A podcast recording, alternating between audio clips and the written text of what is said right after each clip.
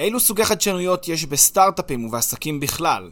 למה אנשים מפריזים בחשיבות של חדשנות בתור תנאי לצמיחה של סטארט-אפ או עסק?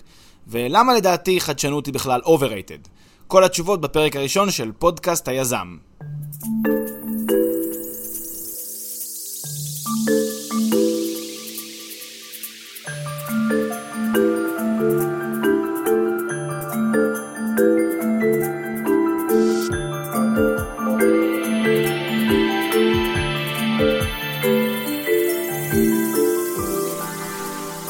לכולם, ברוכים הבאים לפודקאסט היזם, כאן פלג דוידוביץ'. אה, זהו פודקאסט שבו אני רוצה לספר טיפה מהתהליך שאני עובר כיזם, אה, בתור מי שמקים עסק, אה, סטארט-אפ או עסק, ו- ואני רוצה לשתף מהתובנות, מהמסקנות, מהלקחים שיש לי מהתהליך. אני חושב שיש לי הרבה לקחים ומסקנות, ואני מאוד מאמין בכוח של הפודקאסטים. יש לי גם פודקאסט יחסית מצליח בתחום אחר, אז אני חושב ש... Uh, לפודקאסטים יש כוח אדיר, uh, גם ביכולת שלי להעביר מסר, uh, היכולת שלי בעצם לדבר עם הקהל, עם המאזינים, ולשתף אותם, לספר להם. אז אני חושב שהפודקאסט הזה הולך לעשות משהו דומה אך שונה. במובן הזה אני הולך לספר דברים טיפה יותר אישיים, טיפה יותר התלבטויות, לבטים, תובנות שיש לי מהתהליך שאני עובר, ואני חושב שאפשר למצוא בזה עניין. שוב, לכל מי שבכלל מחפש לעשות צעד, אה, אה, בין אם זה כיזם, בין אם זה אפילו כשכיר שחושב לעשות שינוי, ובין אם זה כשכיר שרוצה להוסיף, לעשות פעולות נוספות, או סתם לשמוע ולהתעניין אה, מהתהליך שעובר אדם אחר ומהלבטים ומה, ומההתלבטויות שלו. אז לזה נועד הפודקאסט הזה שנקרא פודקאסט היזם. אני חושב שאחד הדברים שהיו חסרים לי בתהליך של בניית העסק וההקמה שלו, לפני שעשיתי את זה, שמעתי המון תכנים ולמדתי המון, והאזנתי להרבה גם פודקאסטים ו- ו- ו- וסרטוני יוטיוב ו-you name it. עשיתי כמעט את כל מה שאפשר uh, by the book כדי uh, לעשות uh, את הפעולות uh, נכון ולעשות את הפעולות הכי uh, מלוטש ומוקצב, והיה חסר לי מאוד בתהליך הלימוד וההכנה את אותם קולות, uh, אפשר לומר, uh, טיפה שונים, אותם קולות uh, מגוונים, שנדיר לשמוע אותם במחוזותינו. בדרך כלל מה שאני שמעתי היה בעיקר סיסמאות, בעיקר כל מיני דברים עם הרבה תבלינים שמאחוריהם בעצם לא, לא אומרים הרבה דברים, והיה חסר לי את הדבר הזה, ולכן גם החלטתי אה, אה, להביא את הפודקאסט הזה, ש, שמנסה אולי טיפה אה, להסתכל על דברים קצת אחרת, אני, אני, אני חושב. קצת מזווית, אה, מהזווית הזאת שלי, שנמצא בתהליך, ש, שחווה את הדברים ומשתף. אה, מהמסקנות ומהרשמים שלו. אז הקונספט של הפודקאסט הזה בעצם אה, הולך להיות שאני אה, מדי כל פרק הולך לעלות לדיון תהיות ומה שנקרא מחשבות, הגיגים, על דברים שהתעוררו ממש בחדר הדיונים של המיזם שאני עובד עליו. ולמעשה אני תמיד אתחיל בלספר מה בעצם הוביל אותי לדבר, מה בעצם גרם לפרק הזה לקרות, ואני אנסה לשתף אתכם במחשבות שלי בעקבות אותם דיונים שקיימנו. אז הרקע לפרק הזה הוא שקיימנו איזשהו דיון אה, מאוד מעניין בתוך החברה, אה, בקשר למספר מוצרים שאנחנו אה, בודקים, מנסים לשפר אותם, מנסים לעדכן אותם, מנסים להוסיף דברים, לשנות דברים, ואז בעצם התעורר, התעוררה המחלוקת בתוך החברה. חלק מהאנשים בעצם סברו שהמוצרים שאנחנו צריכים לפתח או צריכים לעדכן, חייבים לענות על איזשהו, אה, איזשהו היבט חדשני, איזשהו היבט מאוד מאוד אה, ככה קשה, ואני תכף אסביר גם אה, את, את, את הטיעון הזה יותר לעומק, על ההבחנה בין nice to have ל-pain point. הם אמרו, צריך בעצם ממש לגעת בנקודה כואבת של אנשים, כדי שהמוצר שאנחנו מפתחים אותו, יהיה ככה אה, מאוד אה, משמעותי ו- ו- ובעל פוטנציאל לצמיחה, שהיא צמיחה יחסית משמעותית. אז זו הייתה אה, מה שנקרא עמדה אחת בתהליך הזה, או בתהליך המחשבה הזה. אמ, והעמדה השנייה הייתה עמדה שאומרת שלא כך צריך לשאוף למוצר חדשני, אלא צריך פשוט לייצר משהו שעובד. אמ, ואני לקחתי את הדיון הזה אחר כך הביתה, וחשבתי והתלבטתי עם אנשים גם אה, קרובים, וככה ניסיתי לפ- לפצח את זה, לנסות להבין באיזה צד אני יותר אה, מצדד. בעמדה שאומרת שצריך לייצר איזשהו מוצר שהוא חדשני, מוצר שהוא, אה, שממש מביא איזשהו value חדש שלא ראו כמותו, לא ראו כדוגמתו בעבר, או שאפשר להסתפק במוצר שהוא לא כל כך חדשני, לא כל כך uh, מיוחד, אבל הוא פשוט עובד, והוא מוכר, והוא עובד כמו שצריך, uh, וזה הרקע בעצם לפרק הספציפי הזה. אז אני ארצה להציג בפרק הזה את מיתוס החדשנות. ובאמת הסיטואציה הקלאסית שמתעורר מיתוס החדשנות, או מתחיל בה, זו אה, סיטואציה שבה יושבים כמה חבר'ה, בדרך כלל אה, או על איזה בירה, או מול אה, לוח באיזה אה, מרתף ישן, אה, ובעצם מתחילים לרשום על לוח את כל, אותן, את כל אותם הרעיונות שהם יכולים לחבר זה ועוד זה, כדי ליצור איזשהו מוצר חדש, מוצר מיוחד, כזה שהעולם עוד לא ראה והעולם רק חיכה לו. והם בעצם מנסים לפצח את הקוד של אותו מיזם כפי שהם רואים אותו, אותו קוד שיבטיח להם שהמיזם שלהם יהיה גדול, יצליח, יהיה שווה 1 ביליון דולר. זה בעצם הבסיס לפעילות היזמית שלהם, אותו מפגש, כזה מפגש סיור מוחות. אה, ואני חושב שהמיתוס הזה, שנקרא מיתוס החדשנות, הוא קיבל מעמד של מעין הנחה מובנת מאליה בחוגים רבים. אה, כלומר, אה, אנשים חושבים שעל מנת להצליח עם מיזם בצורה, כן, חד משמעית, אה, אה, צריך שיהיה, כן, כתנאי הכרחי, צריך שיהיה איזשהו, איזשהו מוצר חדשני בבסיס, צריך שיהיה מוצר פורץ דרך. ולדעתי, כאמור, האמת רחוקה מכך, אנחנו תכף נפרוט את זה שלב אחרי שלב וגם נסביר את התהליך הזה, אבל קודם כל אני אציג בראשי פרקים על מה אני ארצה לדבר. אז אני קודם כל אסביר את סוגי החדשנויות שקיימים בעצם בעולם, בעולם היזמות, סוגי החדשנויות שאני יכול להגיע אליהם. Uh, אחר כך אני אסביר למה אני חושב שהרבה אנשים תופסים חדשנות כמשהו שהוא בגדר תנאי לצמיחה של מיזם. Uh, ובסוף אני גם אציג את העמדה שלי, שכפי שכבר הבנתם עד כה, הולכת קצת uh, לבעוט במונח הזה, או בחשיבות שלו, uh, ובעצם אני אטען שחדשנות היא overrated. אז נתחיל בהתחלה. ונתחיל באמת בהבחנה שבין אה, מוצר חדשני למוצר שלא חדשני, כן? עכשיו, זה די אינטואיטיבי כעיקרון, אבל בכל זאת אני אגדיר את זה, אני אתן לזה איזשהו מושג, כי שוב, אם אני רוצה לנתח את זה וטיפה לתת לזה איזשהו אה, קונספט אה, שאפשר לעשות איתו משהו, אני צריך קודם כל להגדיר מה אני אומר אה, מוצר חדשני ומה זה מוצר שהוא לא חדשני. אז יותר קל להסביר את זה דרך השלילה. אז מה זה מוצר שהוא לא חדשני? מוצר שהוא לא חדשני זה מוצר שכבר אנחנו מכירים אותו. שאנחנו צורכים אותו, שאנחנו משתמשים בו, שכבר קיים out there, כולם כבר מכירים אותו. זה מוצר שהוא לא חדשני, כי הוא כבר קיים בנמצא. אמ, מוצרי החיים עצמם, מה שנקרא. מוצר חדשני, אם כן, זה השלילה של מוצר לא חדשני. זה אותו מוצר שאנחנו עדיין לא מכירים אותו. אנחנו עדיין לא משתמשים בו, לא צורכים אותו, ומבחינתנו הוא איזשהו מוצר חדש, אה, טרם אימצנו אותו כשוק, טרם התחלנו לשלם עליו כסף. זה בעצם המוצר החדשני. זה לכאורה משאת נפשם של הרבה מאוד יזמים אה, שרוצים, שרוצים להצליח. אה, אבל גם בתוך מוצר חדשני, צריך להבחין בין שני, אה, בין, בין, בין חלוקה לשני סוגים של מוצרים חדשניים, אה, ומי שעושה את החלוקה הזאת זה הרבה אנשים שמנסים, אה, ואולי גם זה אחר כך תהיה קצת הביקורת על זה, הם מנסים בדיעבד להסביר מה עבד או מה לא עבד באיזשהו מוצר או איזשהו סטארט-אפ שהם הקימו. אוקיי, אז, אז מה שהם בעצם אומרים, תשמע, יש, יש חדשנות, חדשנות זה, שוב, חדשנות לטענתם זה תנאי הכרחי, הרבה פעמים, אה, ואומרים, בתוך החדשנות, לא, לא די בכך שאתה צריך להיות חדשני, אתה חייב גם להבחין בין שני סוגים של חדשנות. החדשנות הראשונה היא חדשנות שמכונה חדשנות nice to have. אה, והחדשנות השנייה זה חדשנות שעונה על pain point. בואו נתחיל רגע ב-nice to have. nice to have, כשמו כן הוא, זה בעצם חדשנות של טוב שיהיה את זה, טוב, זה נחמד שיש את זה, נחמד שזה קיים. אף אחד לא היה יותר מדי צריך את זה, אה, אף אחד לא באמת חיכה לזה, nice to have, נחמד. החדשנות השנייה עונה על pain point, על נקודה כואבת.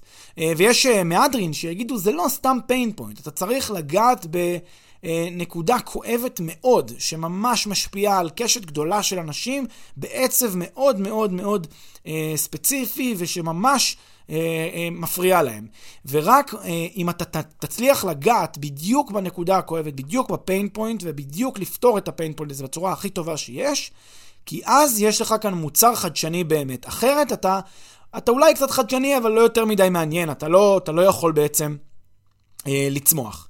אה, לפני שאני אסביר למה, למה זאת הטענה של מי שטוען אותה, אה, אני רק אגיד ש... אה, בעצם חידוש לא חייב להיות טכנולוגי, וזה דבר אה, שכן צריך לומר אותו כבר עכשיו. חדשנות לא חייבת להיות חדשנות באיזשהו מוצר טכנולוגי, מה שנקרא קוד, או אפילו, אה, כן, אה, אה, איזשהו פיתוח של נוסחה לתרופה או דברים מהסוג הזה. לא משהו פטנטבילי, לא משהו שהוא טכנולוגי בהכרח. חידוש יכול להיות גם מודל עסקי טוב, מודל עסקי חדש שעדיין לא אה, היה בנמצא, והנה מישהו יצר את המודל העסקי הזה. ההבדל היחיד בין אה, אה, חידוש טכנולוגי לחידוש שהוא לא טכנולוגי, לדעתי זה בזמן שלוקח עד שאפשר להשיג אותו, או להדביק את הקצב, או להעתיק אותו. כמובן שככל שהוא יותר טכנולוגי ויותר מורכב טכנולוגית, ככה הוא, כמובן אם הוא פטנטבילי, כלומר שאפשר לרשום עליו פטנט, ככה יותר קשה בעצם, בעצם להשיג אותו, או לחקות אותו אם רוצים. אבל כעיקרון, חידוש לא חייב להיות דווקא חידוש טכנולוגי. אז הבסיס שלנו לשיחה זה שחידוש, כאמור, זה משהו ש... זה מוצר שלא היה בנמצא קודם לכן, ואנחנו עכשיו יוצרים לו איזשהו, אה, יוצקים איזשהו אה, אה, פתרון לאיזושהי בעיה, ולא בכדי, לא סתם בעיה אנחנו מנסים לפתור כאן, אנחנו מנסים לפתור בעיה מאוד מאוד כואבת, pain point מאוד מאוד חזק. זו הדעה של הרבה מאוד אנשים ביחס לשאלה מה, זו, מה זה מוצר חדשני. ועכשיו אני עובר לשאלה השנייה, שהיא למה אנשים תופסים ככה את החדשנות. אז אני אסביר קודם כל מונח אחר שצריך להתייחס אליו, וזה הסקלביליות, כן? היכולת לגדול בצורה סקלבילית. המונח סקלבילי אומר שבעצם ישנו גידול, אה, אם תרצו, אקספוננציאלי, גידול אה, מעריכי, גידול אה, רחב זרועות בצורה של הכפלה, גם מבחינה גידול אה, מקומי, גם מבחינה גידול גיאוגרפי, גם גידול אה, בינלאומי. בעצם גידול של המשתמשים, או של הצרכנים, או של הקונים של המוצר, או כל אדם בעצם שבא במגע עם המוצר, או המוכרות של המוצר, מוצר, על פי הטענה שהוא סקלבילי, הוא מוצר שגדל בצורה, או יכול, או בעל פוטנציאל לגדול בצורה אקספוננציאלית, עד שתאורטית כל קהל היעד בעולם יוכל להגיע אליו, כן? זה, זה הרעיון הבסיסי של מוצר שהוא scalable י, כן? מלשון scale, כן? להגדיל. אז, אז בעצם באיזשהו מובן, הם, הרבה מהתעשייה, כן, תעשיית היזמות, מכוונת אל אותם מוצרים שהם scalable יים, כי אם, אם אפשר להרוויח בגדול, אז למה לכוון למוצר שמח... שמרוויח בקטן? בואו נכוון למוצר שמרוויח הרבה, שכובש את כל העולם, scalable י כזה, ונתחיל בו, וככה אנחנו בעצם ניצור איזשהו אה, בסיס לרווח אינסופי כזה. זה בסוף מה שאנשים חולמים עליו, על, ה... על החלום הגדול, על החלום של אקזיט של מיליארדים, זה מה שאנשים בעצם חולמים, ולכן הם מכוונים למוצרים שהם scalable יים. עכשיו, בהמשך ישיר לזה, כתנאי להשגת מוצר שהוא scalable י, יטען הטוען, או יגידו אותם אנשים, שצריך מוצר שיש לו חדשנות שמדברת בעד עצמה, או חדשנות כזאת שהיא כל כך משמעותית, שהיא עונה על pain point כל כך כואב, שזה הדרך, זה התנאי הבסיסי לצמיחה הסקלבילית, לצמיחה החזקה הזאת של אותו מוצר. במילים אחרות, מה שאומרים אותם אנשים זה שהתנאי לכך שיהיה לי מוצר שהוא אה, פורץ וגדל בצורה שאינה מוגבלת, התנאי לכך הוא שיהיה לי מוצר שעונה על בעיה מאוד מאוד כואבת לאנשים. מה, איך המנגנון של אותם אנשים פועל במה שהם תופסים? הם אומרים, תשמע, תראה, אם זה לא מספיק כואב לי, אם זה לא מספיק חשוב לי כמוצר, אז אני לא אטרח, אה, אולי אני אשתמש בו, אבל זה לא באמת, אה, אני אשתמש בו דרך קבע. אני לא באמת משתמש בו בצורה משמעותית, אני בטח לא אפיץ את זה לחברים ואספר להם כמה המוצר הזה פתר לי בעיה. רק אם זה מאוד מאוד יכאב לי, יש את האפקט האקספוננציאלי הזה, האפקט המעריכי, שאחד יספר לשני, שיספר לשלישי, וזה יקבל תעודה כל כך גדולה ציבורית, עד כדי שכולם ישתמשו בזה, כן? תחשבו על המוצרים הגדולים שכולנו משתמשים בהם ביום, חברות הענק, כן? חברות ה... אה, גם הטכנולוגיות וגם הלא טכנולוגיות הענקיות שאנחנו מכירים ומשתמשים במוצרים שלהם, אתם רואים שהצמיחה שלהם הייתה בגדול אקספוננציאלית כזאת. זאת אומרת, איך, איך אתם למשל נודע לכם על המוצר? חבר, חבר, חבר או חברה סיפרו לכם על המוצר, או שקראתם באיזה כתבה באחד העיתונים שגם כן, הגיע, המוצר הגיע אליה דרך הצמיחה הזאת. ואתם בעצם, נודע לכם על המוצר הזה באמצעות התהליך הזה שעברתם, באמצעות אותו תהליך של uh, גידול אקספוננציאלי של, ה, של ההפצה של המוצר הזה. ולכן באיזשהו מובן, אותם אנשים טוענים שחייב להיות כאן איזשהו pain point מאוד מאוד כואב כבסיס לכך שתהיה צמיחה אקספוננציאלית. עכשיו, אם אני אתן רגע דוגמה, ככה סתם אה, דוגמה קצרה שיכולה להמחיש, לפחות, אה, שוב, הסתכלות בדיעבדית כזאת, וזה גם חלק אולי מהביקורת. אז ניקח למשל אפליקציה שדרכה אני יכול להזמין מקום במסעדה, או אפליקציה שדרכה אני יכול להזמין מונית, כן? אז יגיד לך בן אדם שמסתכל, אומר, שמע, רגע, אם תסתכל על האפליקציה הזאת שמזמינה מקום במסעדה, אז נכון, זה, זה nice to have. כאילו, לא באמת אה, אה, נהרסו לי החיים כשהייתי צריך להרים טלפון למסעדה ולהגיד, או ספציפית לאיזשהו אתר ספציפי של המסעדה, אה, לא נהרסו לי החיים שהייתי צריך לעשות את הפעולה הזאת, האקסטרה מייל הזה, אה, כדי להזמין מקום במסעדה. לעומת זאת, מונית זה יותר שגרתי, זה יותר נפוץ, זה יותר משמעותי, אני נמצא לא בבית, לא מול מחשב, אז הרבה יותר כואב לי אה, להזמין מונית בטלפון או להזמין מונית... בדרכים אחרות, והרבה יותר נוח באמצעות אפליקציה. זאת אומרת, מה, מה שעושה אותו בן אדם, הוא יסביר לי איך מוצר אחד, שהיה, לא יודע מה, אה, אפליקציה להזמין מקום במסעדה, שאני לא מכיר אפליקציה שהיא מספיק גדולה, אולי יש כאלה שהן מסתובבות שם, אבל לפחות נכון אני לא מכיר משהו מספיק חזק, שבאמת כולם עובדים רק איתו, אה, להזמין מקום במסעדה. אה, אני לא מדבר על משלוחים כמובן, אני מדבר על ממש מקום פיזית לשבת במסעדה.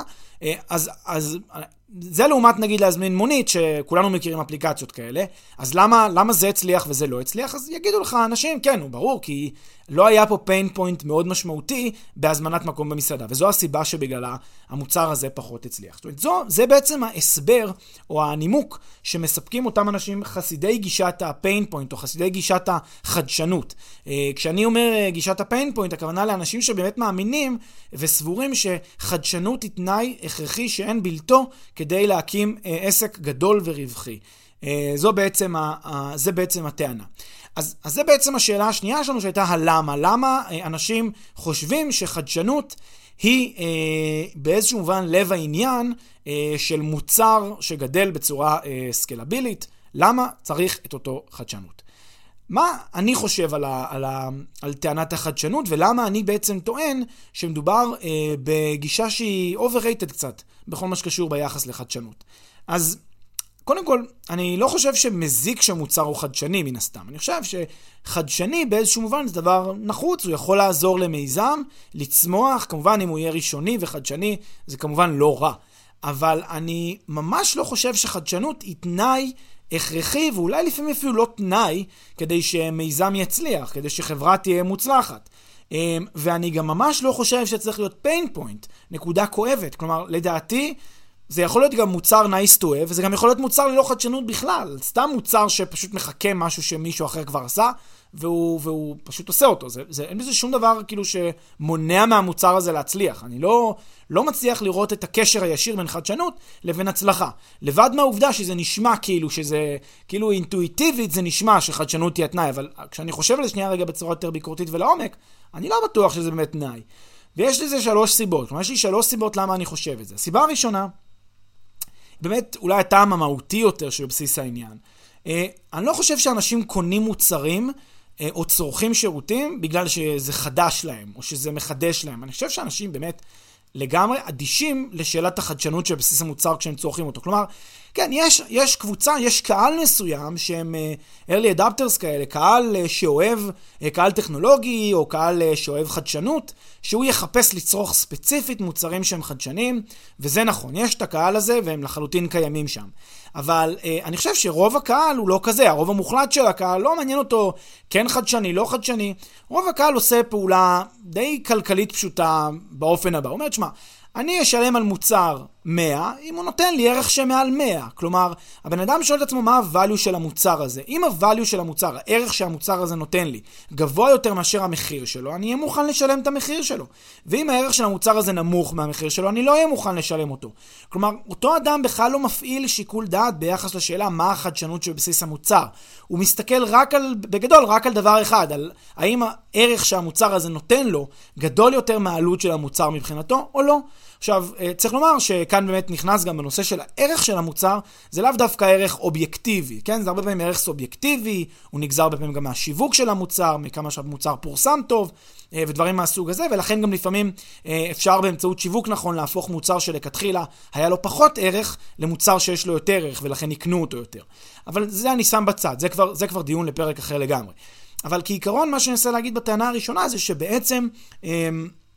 אנשים לא קונים מוצרים לפי החדשנות שלהם, אלא הם קונים מוצרים לפי ה-value שהוא נותן להם. ואם יש לה מוצר value שעולה על העלות שלו, אז הם יקנו, פשוט מאוד. אמ, אז זה הטעם הראשון. הטעם השני, אני חושב, אה, ואולי במובן מסוים אה, אפילו קצת אה, מחליש את טענת החדשנות, ואומר שלא רק שהיא overrated, לפעמים היא גם אולי קצת מזיקה. כי אני חושב שלפעמים חדשנות כרוכה בה איזושהי פעולה של חינוך שוק. זאת אומרת, כשאני עושה מוצר שהוא חדשני, אפילו עם pain point, לפעמים זה מצריך איזשהו חינוך שוק מסוים שהשוק צריך לעבור אותו. עכשיו, נכון שיש מוצרים שחינוך השוק בהם יותר מהיר. אבל יש מוצרים שחינוך השוק בהם הוא יותר איטי, כי אם זה הטבע שלהם, כי לוקח יותר זמן לחנך את השוק בהם. לא בגלל שהם לא מספיק נוגעים ב pain point, יכול להיות שהם נוגעים מאוד ב pain point, אבל הם פשוט פחות אה, מהר אה, מחנכים את השוק, פחות מהר מצליחים לחלחל, להגיע לתודעה ושאנשים כולם ישתמשו ויצרכו אותם. ואז במצב כזה, כשאנחנו מדברים על אה, צורך בחינוך שוק, אנחנו מוסיפים נדבך מאוד מאוד מורכב ומשמעותי בתהליך הזה של אה, חלחול של המוצר, כי אם ד, דווקא העובדה שהבאתי מוצר שהוא חדשני, מוצר שהוא אה, ככה אה, פורץ דרך, מוצר שככה אף אחד עוד לא אה, נתקל בו, דווקא הדבר הזה עומד בעוכרו שבעוכריו של המוצר. כי באיזשהו מובן עכשיו את המוצר הזה אתה צריך להסביר לאנשים למה המוצר הזה, למה אתם צריכים אותו, למה הוא חשוב לכם, ויש כאן אלמנט מסוים של חינוך שוק. עכשיו, יכול להיות שהוא ידבר בעד עצמו מאוד מאוד מהר ויבינו, ויכול להיות שלא, אבל מה שבטוח, גם כדי להטריח את עצמי לנסות אותו, או גם להטריח את עצמי לשלם עליו, אני צריך לעבור איזשהו תהליך של חינוך שוק, אני צריך לעבור עוד פעולה שלא תמיד היא קלה, לא תמיד היא פשוטה. ולפעמים בחלק מהמוצרים, אפילו כאמור שהם נוגעים בפיין פוינט מאוד מאוד משמעותי, יהיה צריך להיות אה, חינוך שוק יחסית מהותי. ו- ובאמת אפשר נגיד לקחת uh, כדוגמה, אני חושב, מאוד יפה, את הנושא הזה של uh, VOD ו-AOD, uh, Video on Demand ו-Audio on Demand. Uh, אתם שמאזינים לפודקאסט, למשל כרגע, באיזשהו מובן אתם uh, סוג של uh, חלוצים בתעשייה שהיא עדיין מאוד מאוד קטנה בעולם, תעשיית הפודקאסטים, כי הרוב, רוב האנשים לא יודעים, לא מכירים ולא מאזינים לפודקאסטים, אני לא יודע, אולי נתונים, אולי זה כבר לא רוב או פחות רוב, אבל לא חשוב, זה לפחות בישראל, אני, אני מתאר לעצמי שעוד חלק גדול מהישראלים לא מכיר את המונח אה, פודקאסט, ובטח לא צורך אותו על בסיס קבוע, אבל לעומת זאת רדיו אנשים צורכים. Uh, אותו דבר uh, טלוויזיה מול VOD, אני חושב שרוב האנשים צורכים טלוויזיה, את, ה, כן, את, ה, אה, את הזכייניות המקובלות שכולנו מכירים אותן וצופים בהן, חלקנו לפחות. אה, אז רוב האנשים צופים בטלוויזיה, בזכייניות המוכרות והרגילות, אבל למעשה אני חושב שיש... נראה לי שהרבה יותר הגיוני שאנשים יעדיפו את ה-VOD על על פני טלוויזיה. כי הרי מה זה בסוף טלוויזיה? זה בסוף איזשהו ערוץ מסחרי שהחליט בשבילי מה אני אראה באיזה שעה. הוא אמר, תשמע, ב-8 אתה תראה חדשות, ב-9 אתה תראה את התוכנית הזאת, שאני בחרתי מה, ב-10 אתה תראה את התוכנית הזאת שגם אני בחרתי מה. כלומר, אני מכתיב לך מה לראות, כל שעות היממה, אתה לא יכול לבחור מה אתה רוצה לראות. אגב, זה, זה לא, לא מספיק שאני בוחר לך את התוכן עצמו, אני בוחר לך גם את הזמן שאתה תראה אותו, ואני גם בוחר לך איך אתה תראה אותו, תצרוך פרסומות תוך כדי, אתה תעשה הפסקה כל אה, רבע שעה, לא יודע מה, כל כמה דקות, כדי אה, לפרסומות. זאת אומרת, אני מכתיב לך בגדול הכל. ואני חושב שאי אפשר ל, אה, אה, ל, ל, ל, להוריד מהחשיבות של VOD או, או להפחית מהעוצמה שבה VOD הרבה יותר טוב מזה. כי VOD, Video on Demand, כן? Video on Demand זה בעצם אה, סוג של יכולת לצפות עכשיו באיזה תוכנית, באיזו סדרה, באיזה סרט שבא לי, בכל רגע נתון, כן? בספריות כאלה ענקיות, מלאות בתוכן, תוכן שלפעמים איכותי אפילו יותר מאשר התוכן שאני רואה בערוצי המסחריים, ולמעשה אני יכול לבחור, אני בוחר מתי אני רואה מה. ונראה לי שהרבה יותר הגיוני לעשות VOD. אגב, אם מעניין אותי חדשות, אז אני לא צריך לחכות לשמונה בערב, אני יכול פשוט לראות ביוטיוב חדשות, בערוצי חדשות יוטיובים כאלה, שאני יכול לצרוך בהם את התוכן. זאת אומרת, אין כמעט שום דרך אה, להמחיש מספיק עד כמה VOD הרבה יותר טוב מאשר הטלוויזיה הנוכחית. והנה נכון, עדיין 2020, ורוב האנשים עדיין צורכים את התכנים הטלוויזיוניים שלהם, או את התכנים הוויזואליים שלהם, אני חושב, מהטלוויזיה. עדיין הרבה מאוד אנשים חיים יום-יום, מגיעים הביתה בשמונה ורואים חדשות, ואחר כך בתשע רואים סדרה. זה קשה להסביר, אלא לפי כוחו של הרגל או כוחו של חינוך השוק, או הקושי בלחנך את השוק. זאת אומרת, לגרום לאנשים, לכל ההמון הזה, לשנות את התודעה שלו, ולעבור למשהו שהוא הרבה יותר טוב לו, שזה ה-VOD, מאוד מאוד קשה לאנשים. עכשיו, אותו דבר לגבי פודקאסטים שקודם התחלתי ואמרתי, אין ספק שפודקאסטים זה טוב יותר מרדיו, כי ברדיו מישהו מכתיב לך מה לשמוע ומתי. בפודקאסטים אתה בוחר, אני רוצה לשמוע היום על יזמות, מחר אני רוצה לשמוע על זה, מחרתיים על היסטוריה, ולא יודע מה, כל מיני דברים שאני יכול לשמוע עליהם בפודקאסטים, ואף אחד לא מחליט בשבילי. אני בוחר מה מעניין אותי ואני לוחץ uh, קליק ושומע, וזה נהדר, זה פשוט משפר את רמת החיים, משפר את, ה, את, ה, את היומיום שלי בצורה משמעותית, הפודקאסט הזה. ועדיין אם תשאלו בקרבכם אצל מרבית האנשים, כן, לא הטכנולוגים, אלא אנשים שאולי אה, קצת פחות ויותר נרתעים מהדבר הזה, יגידו לך, לא, אני לא מכיר את הדבר הזה, או שמכיר, אבל זה לא מדבר אליי, וזה באמת הקטע הזה של חינוך השוק. חינוך שוק, אפילו אם המוצר מדבר בעד עצמו, והוא נוגע מאוד מאוד ב pain point מאוד כואבים, לא חושב שהרבה אנשים אוהבים אה, לצפות בפרסומות ב, ב, ב, באמצע מהדורת החדשות שהם רוצים לראות, ואני לא חושב שאנשים אה, היו רוצים לראות דווקא חדשות בשעה שמונה, אולי כאלה רוצים לראות בשבע או בתשע, אז, אז, אז יש פה pain point, אני חושב, די ברור, ועדיין אתם רואים שלוקח זמן יחסית, גם לתעשיית ה-VOD וגם לתעשיית ה-AOD, לחלחל לתודעת ההמונים ולשנות הרגלים. מה שבטוח הוא שאני חושב שאין מחלוקת בזה, ולדעתי גם ערוצי הטלוויזיה יודעים את זה, וכל מי שבתעשייה יודע את זה, שה-VOD וה-IOD ביום מן הימים יחליפו את, ה, את, ה, את המערכות צריכת התרבות המקוריות. הם יחליפו אותם, שזה גם מראה לכם ששוב, אה, כל עוד... אה, אה, כן, לא מספיק רק הפיין פוינט כדי שמשהו יקרה כשיש חינוך שוק, שמעורב פה גם החינוך שוק, תהליך שיכול לקחת אה, עשרות שנים עד שהוא יושלם, אבל כשהוא יושלם ברור שזה יהיה כמובן מאוד מאוד מתגמל. אבל כעיקרון, מה שבעצם הטענה הזאת אה, אומרת זה שכשיש לי אה, מוצר שהוא חדשני, הרבה פעמים כרוך בעצם ההטמעה שלו, תהליך של חינוך שוק, וכשיש אה, חינוך שוק מעורב, אז אפילו על החדשנות הזאת יש פה איזושהי, אה, כן, היא איזושהי חרב פיפיות, היא כאילו אפילו קשה יותר מאשר... אה, מאשר אה, אם לא הייתה חדשנות. אז זה הנימוק השני ללמה חדשנות היא overrated בעיניי. ועכשיו הנימוק השלישי ללמה חדשנות היא overrated בעיניי, וזה פשוט על בסיס עובדות, על בסיס הסתכלות על המציאות. הסתכלות על המציאות, מה שנקרא נכוחה, ואני מסתכל על הרבה מאוד חברות שבאמת אה, הצליחו בעולם, ה, בעולם היזמות, או בעולם ההייטק, ובעולם הטכנולוגי, ובכל עולם שהוא, ואני פשוט רואה, הם לא היו, לא היה שם שום דבר חדשני, שום דבר ראשוני, שום דבר שבו הם פרצו איזושהי, אה, איזשהו, איזושהי דרך. הם פשוט באו והביאו מוצר, עשו די דומה למה שאחרים עשו, והם הצליחו. אה, בפרק אחר אני אסביר אה, מה אני חושב, אם כן, אם זה לא חדשנות, מה הדברים האחרים שאני חושב שצריכים לקרות, כדי, ש, כדי שיזמות תצליח, או כדי שהסיכויים של יזמות להצליח ישתפרו. אני אדבר על זה, אבל אני מנסה רק להראות שהנה, נסתכל עובדתית על חברות שבאמת הצליחו, ואני לא אראה תמיד הלימה, אה, אפילו לא ברוב המקרים, של חד, מוצר חדשני שעומד בבסיסן. כן, אז קחו את, אה, את דוגמאות קלאסיות כמו eBay ואמזון. אז אה, מעין marketplace של e-commerce כזה, כן, בעצם אפשר לסחור אלקטרונית ולהעביר מוצרים מאחד לשני דרך איזה פלטפורמה. אוקיי, הדברים האלה היו קיימים איפשהו מאמצע שנות ה-80. לא היה שום דבר חדש אה, באי-ביי ובאמזון, פשוט היה להם אולי טיימינג נכון יותר, הם הגיעו בעיתוי הנכון יותר, אבל הם לא היו חדשניים. הם לא היו משהו שעוד לא ראו כדוגמתם בתעשיות עד כה.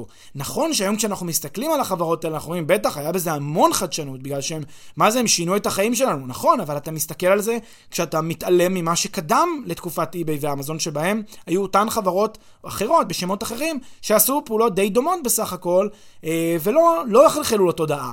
לכן, אה, לא החדשנות שיחקה תפקיד בפריחה של eBay ואמזון, משהו אחר שיחק תפקיד, ואולי לא היה צריך בכלל את החדשנות. ואי-ביי ואמזון הצליחו, בין היתר, אה, בזכות העובדה שהם הביאו כנראה מוצר טוב יותר, ולאו דווקא חדשני, כי הם פשוט עשו משהו שכבר היה קיים. כנ"ל לגבי נטפליקס, הזכרתי קודם את ה-VOD, אז נטפליקס לא המציאה, ממש לא המציאה את ה-VOD, היא אמנם אחת החברות המוכרות והמצליחות היום בתעשיית ה-VOD העולמית, אבל... הם, גם VOD זה תעשייה שקיימת אי שם משנות ה-80. אני מזכיר ש-VOD למשל זה דבר, זה דבר שעוד היו בטיסות. כשהיינו טסים פעם, אז היינו רואים, יכולים לבחור איזה סרט אנחנו רוצים לראות. עוד אי שם בשנות ה-90 זה התחיל הדבר הזה. ולמעשה אין שום דבר מיוחד או חדשני ב-VOD. הצירוף הנסיבות והטיימינג שנטפליקס נכנסה לשוק הזה היה בול, התלבש כמו כפפה ליד. אין בזה אבל מעבר לכך אה, הרבה מאוד חדשנות פר סה בהגדרה שלה. כמובן, אה, אפשר, אפשר ללטש, להגיד אוקיי, אבל נט, נטפליקס, אה, לא יודע מה, שיפרו את חוויית המשתמש או שיפרו את האופן שבו המוצר נראה. אז אפשר טיפה, טיפה לעשות צ'לנג' לדבר הזה. אפשר להגיד, בסדר, לא הייתה חדשנות של, של עצם הרעיון, אבל היה חדשנות בכל מיני אלמנטים עוטפים. אוקיי, אני לא חושב שבינינו האלמנטים העוטפים האלה כשלעצמם, עוד פעם, מרימים את המוצר או מורידים אותו, הם אולי עוזרים, משפרים את הסיכוי, הם לא מספיקים לבדם כדי להרים את המוצר או כדי להוריד אותו. לכן, אני לא חושב ששוב, זה לא החדשנות ששיחקה פה תפקיד, לא בצד של עצם ה product עצמו, המוצר עצמו, ולא בצד של אה, UX, UI, חוויית משתמש, דברים מהסוג הזה, אני לא חושב שהיה פה צורך, אה, לא, שזה לא היה פה חדשנות במובן הזה אה, מאוד. כנ"ל לגבי ה-social network, כן, פייסבוק. אז היא ממש לא הייתה הרשת החברתית הראשונה אה, בתקופה שבה היא אה, פרצה לתודעה של כולנו. היו רשתות חברתיות אה, רבות שאפילו אני הכרתי והשתמשתי בחלק מהן הרבה מאוד שנים, אז לא היה שום דבר חדש בדבר הזה. כנ"ל לגבי, אם תרצו, וואטסאפ, וכולנו זוכרים את ICQ. אני לא חושב שיש הרבה הבדל בין ICQ לבין וואטסאפ מבחינת החוויה של מה שמשתמש מרגיש. ICQ הייתה פשוט וובית, הייתה במחשב, כן? כי לא היה לי שום מוצר אחר, לא היה לי אז סמארטפון. ווואטסאפ הגיע לסמארטפון, אבל אם, אולי תאורטית, אם, אם, אם ICQ הייתה מקימה אפליקציות של סמארטפונים, אולי, אולי הייתה צריכה להיות לקבל את המעמד הבכורה הזה, כן? אבל באיזשהו מובן, שוב, וואטסאפ לא הביאה מוצר חדשני שעוד לא היה עד אליו, אמ, היא לא חידשה כלום, היא פשוט באה והביאה מוצר אה, בתעשייה שכבר היה קיים. בקיצור, יש פה הרבה מאוד אה, דוגמאות. אני חושב שהן, אה, שהן רבות ומגוונות לחברות שהצליחו בצורה משמעותית, גם מבלי שעמד בבסיסן איזושהי חדשנות אה, ואפילו לא תגידו חדשנות מינימלית, פשוט לקחת מוצר קיים שמישהו אחר עשה, חלק יגידו לטייב, לשפר, ל- לא יודע מה, לייפות אותו, אני לא חושב שגם פה זה יותר מדי קל מאוד לשים את האצבע, איך לטייב, איך לשפר. אה, אז, אז זה בעצם השלושה הנימוקים המרכזיים לעמדה שלי שלפי החדשנות היא overrated. אבל אני רוצה להעמיק ולהגיד אפילו עוד טענה שגם היא, אה, גם היא חשובה, והיא מתכתבת עם מה שאמרתי קודם על ההבחנה בין nice to have לבין pain point. אה, ששוב, שאותם אנשים שמדקלמים בגישת ההבחנה הזאת שבין שני הסוגים של nice to have point, הם אומרים, שמע, אם זה לא מאוד מאוד כואב למשתמש, הוא לא יצרוך את זה, ואז אתה פשוט לא מייצר פה חברה סקלבילית, חברה גדולה. אני חושב שבאיזשהו מובן גם פה יש איזושהי תפיסה אה, קצת אה, של אה, חוכמה שבדיעבד כזה, הסתכלות אה, לאחור למה קרה עם איזשהו מוצר ולהגיד, טוב, הוא הצליח בגלל שהוא נגע בפיין פוינט לא, ואחר לא הצליח בגלל שזה היה nice to have. כמו הדוגמה שנתתי קודם על האפליקציה להזמנת מקום במסעדה לעומת אפליקציה להזמנת מוניות.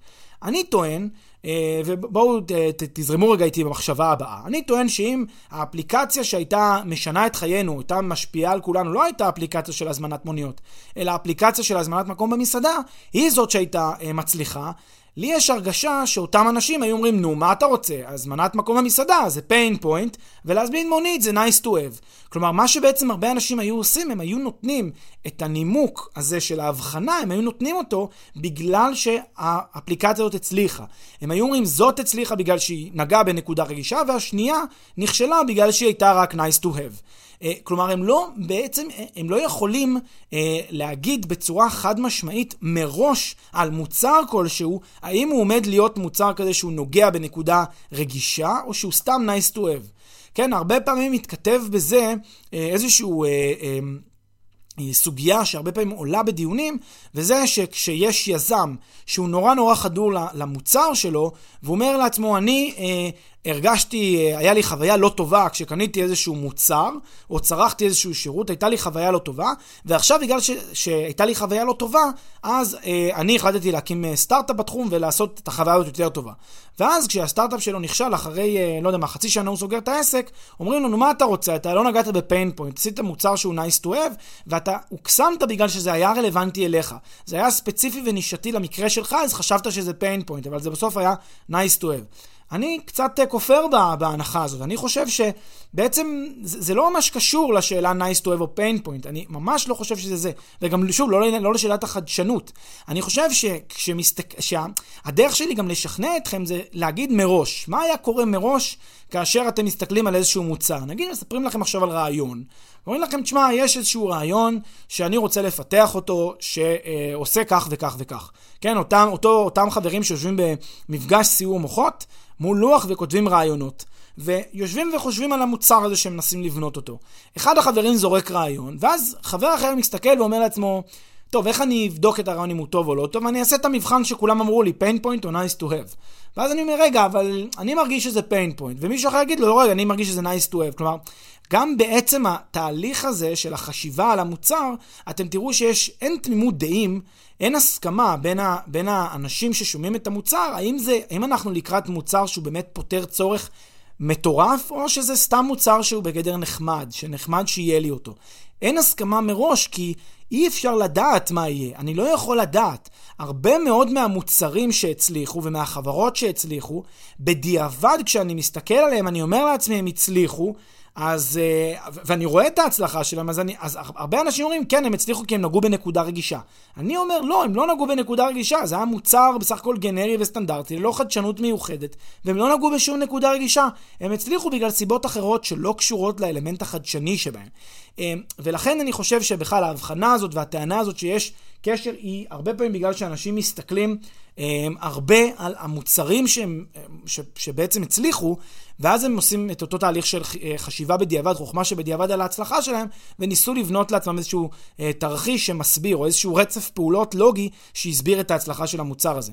אגב, זה מתכתב עם עוד מונח שאני גם אליו אקדיש פעם פרק שנקרא Product Market Fit, שזה בעצם אה, ההתאמה של המוצר לשוק, כן? שיש למוצר הזה שוק, אה, ואני גם, גם אותו אני ארצה טיפה אה, ללבן ולהסביר, לפחות מהדעה שלי, שגם המוצר הזה הוא קצת, גם, גם הביטוי הזה הוא קצת overrated מבחינת הכלי שהוא נותן לי. כאילו, אין לי הרבה מה לעשות איתו, אין לי הרבה מה לעשות עם, ה, עם המונח הזה, Product Market Fit. אומרים, תשב ותחפש אותו, אבל מה אני, מה אני לומד מזה? מה אני, איך אני יכול לדעת הרי? באיזשהו מובן, אה, לכן אני, אני חושב שחדשנות, אה, וזה כבר סיכום של, הפרק, אני חושב שחדשנות היא באיזשהו מובן אה, איזשהו, כן, משהו נחמד שאני יכול שיהיה לי במסגרת הפיתוח של המוצר. אבל הוא רחוק רחוק מאוד מלהיות תנאי הכרחי כדי שמוצר הוא יצליח. אני חושב ש... אה, וגם על זה אני אעשה בהזדמנות פרק אה, נפרד, אני אדבר על ההבחנה, לפחות מהטעם שלי, בין סטארט-אפ לעסק, האם בכלל יש הבחנה כזאת, האם צריכה להיות הבחנה בין סטארט-אפ לעסק. אה, ואחת המסקנות שאני חושב ש... שאני כבר עושה טיזר לאותו פרק, אחת המסקנות שאני ארצה לדון בה, היא שבסוף עסק זה עסק. כלומר, עסק צריך למכור ללקוח קצה, הוא צריך לתת ללקוח קצה יותר ערך מאשר עלות המוצר. ואם הלקוח החליט לקנות, סימן שהוא מצא ערך במוצר, סימן שהוא הפיק מהמוצר הזה תועלת, אה, ואם זה המצב, מה אכפת ללקוח מה הבסיס של המוצר? שוב, האם זה חדשני? האם זה סטארט-אפיסטי? זה ממש לא מעניין אותו.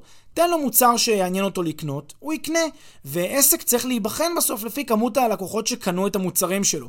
ולא לפי כמות ה... אה, אה, לא יודע מה, כמות המונחים באנגלית שאמרו על המוצר.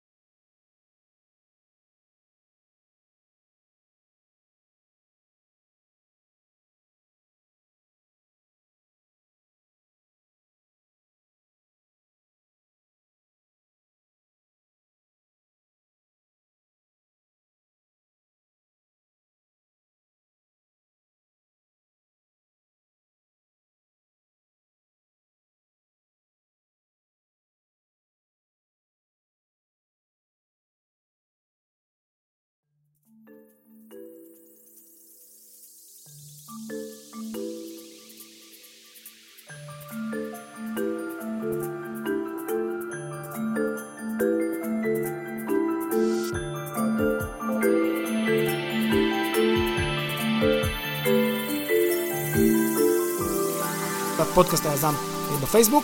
מחכה לראות אתכם, ותודה אה, רבה על ההזמנה.